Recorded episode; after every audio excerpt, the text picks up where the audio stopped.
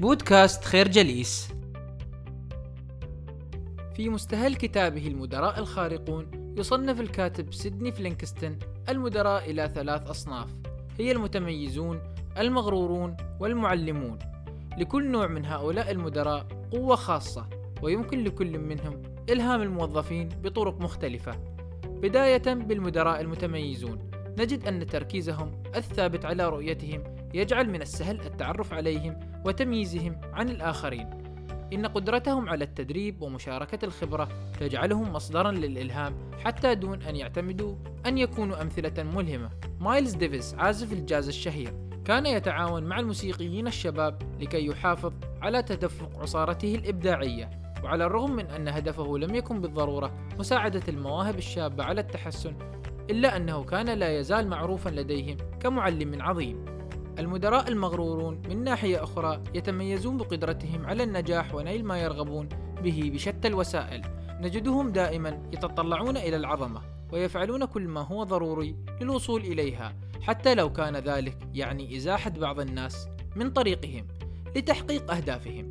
يحتاج المدراء المغرورون إلى فرق عمل ذات كفاءة عالية. لذلك يدفع المدراء المغرورون الموظفين لبذل أقصى ما لديهم على الدوام. ذلك لأن الفشل لا يعد خيارا لدى المدراء المغرورين. مؤسس شركة أوراكل لاري إلسون كان معروفا بالإدارة عن طريق السخرية حيث كان يخيف موظفيه لدفعهم لتحقيق النجاح. وفي حين أن هذه الاستراتيجية قد تبدو قاسية إلا أنها كانت تعمل لصالح الشركة. النوع الأخير هم المدراء المعلمون الذين يهتمون بنمو الموظفين تحت إدارتهم. نجدهم دائما على استعداد لتوجيه أعضاء الفريق لضمان ازدهارهم ونموهم الوظيفي. نورمان برينكر الشيف الشهير اشتهر بهذا الأسلوب في الإدارة. كان يحب مشاهدة موظفيه وهم يتطورون ويتدرجون شيئا فشيئا حتى أصبح حوالي 18 من أعضاء فريقه السابقين رؤساء لعدد من سلاسل المطاعم الكبرى. الفكرة المدراء الخارقون ثلاث أصناف يتميز كل منهم بأسلوبه الخاص في الإدارة وتطوير الموظفين.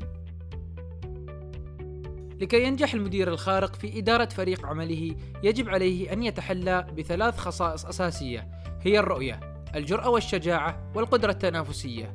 هذه الصفات ليست بالضرورة مجرد خصائص يتم اكتسابها عبر فترة طويلة من الخبرة المهنية، بل هي خصائص يتحلى بها المدير بصورة طبيعية وتشكل جزءا أساسيا من شخصيته.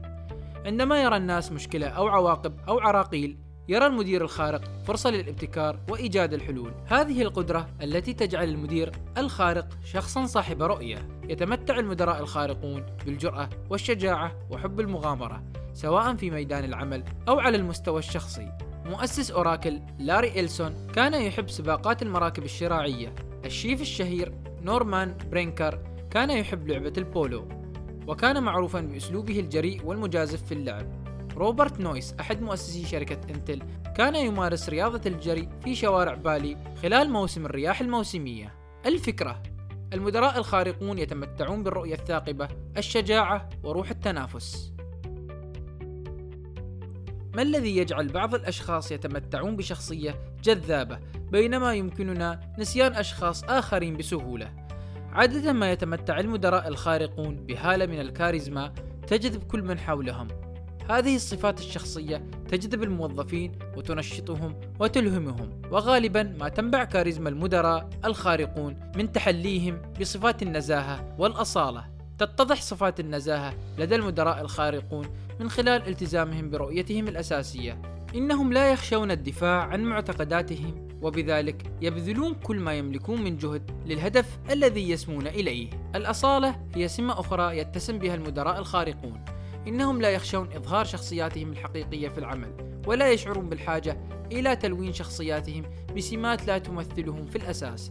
بدلا من ذلك يتيح المدراء الآخرون لكل من يتعامل معهم في مجال العمل بأن يتعرف عليهم بصورة شخصية حقيقية لا تشوبها أي شائبة أو تصنع. يتذكر موظفو شركة هوسبيتال كوربوريشن الأمريكية مؤسس الشركة تومي فيرست كرجل عائلة حيث كان يقضي جزءا من وقته أثناء رحلات العمل في كتابة رسائل إلى أبنائه الذين كانوا يدرسون في الجامعة كان فيرست حريصا دائما على الحديث عن أسرته وكان من الواضح للجميع أنه فخور جدا بأبنائه الفكرة تنبع كاريزما المدراء الخارقون من تحليهم بصفات الأصالة والنزاهة وعدم التصنع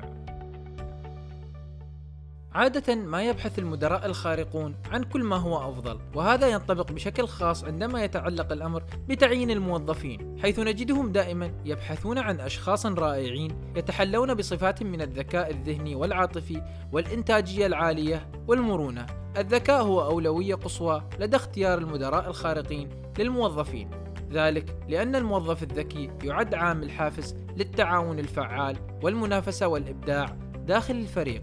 يمكن لأعضاء الفريق الذكي أن يساهموا بالتساوي في تحقيق أهداف أكبر دون الخوف من زملاء العمل الأبطأ الذين يعرقلون أو يؤخرون إنتاجية المجموعة. كان المصمم الشهير رالف لورين دائما يبحث عن موظفين يتمتعون بذكاء الموضة بالنسبة لكل موظف لديه. كان الإحساس الشديد بالأناقة إلزاميا بغض النظر عن القسم الذي كان يعمل به.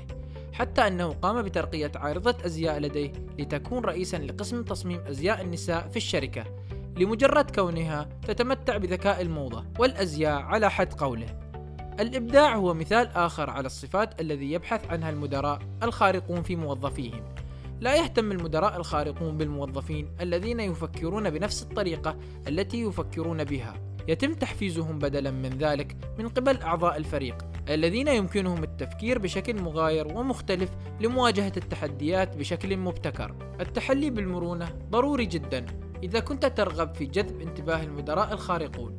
هذا لا يعني فقط القدرة على تغيير جدولك الزمني في غضون مهلة قصيرة من الزمن. فبالنسبة للمدراء الخارقين فإن المرونة هي الموهبة في حل المشكلات وسط مواقف وتحديات غير مألوفة كان رسام الكاريكاتير الأمريكي بيل ساندرز. على سبيل المثال ينقل الموظفين الجدد إلى أقسام مختلفة من حين لآخر ليختبر مرونتهم في التعامل مع ظروف العمل. كما كان المخرج روجر كورمان يطلب من الممثلين الجدد أخذ أدوار مختلفة عما اعتادوا عليه. الفكرة الذكاء المرونة والإبداع من أهم معايير اختيار المدراء الخارقون لفرق عملهم. نشكركم على حسن استماعكم. تابعونا على مواقع التواصل الاجتماعي لخير جليس. كما يسرنا الاستماع لآرائكم واقتراحاتكم. ونسعد باشتراككم في البودكاست.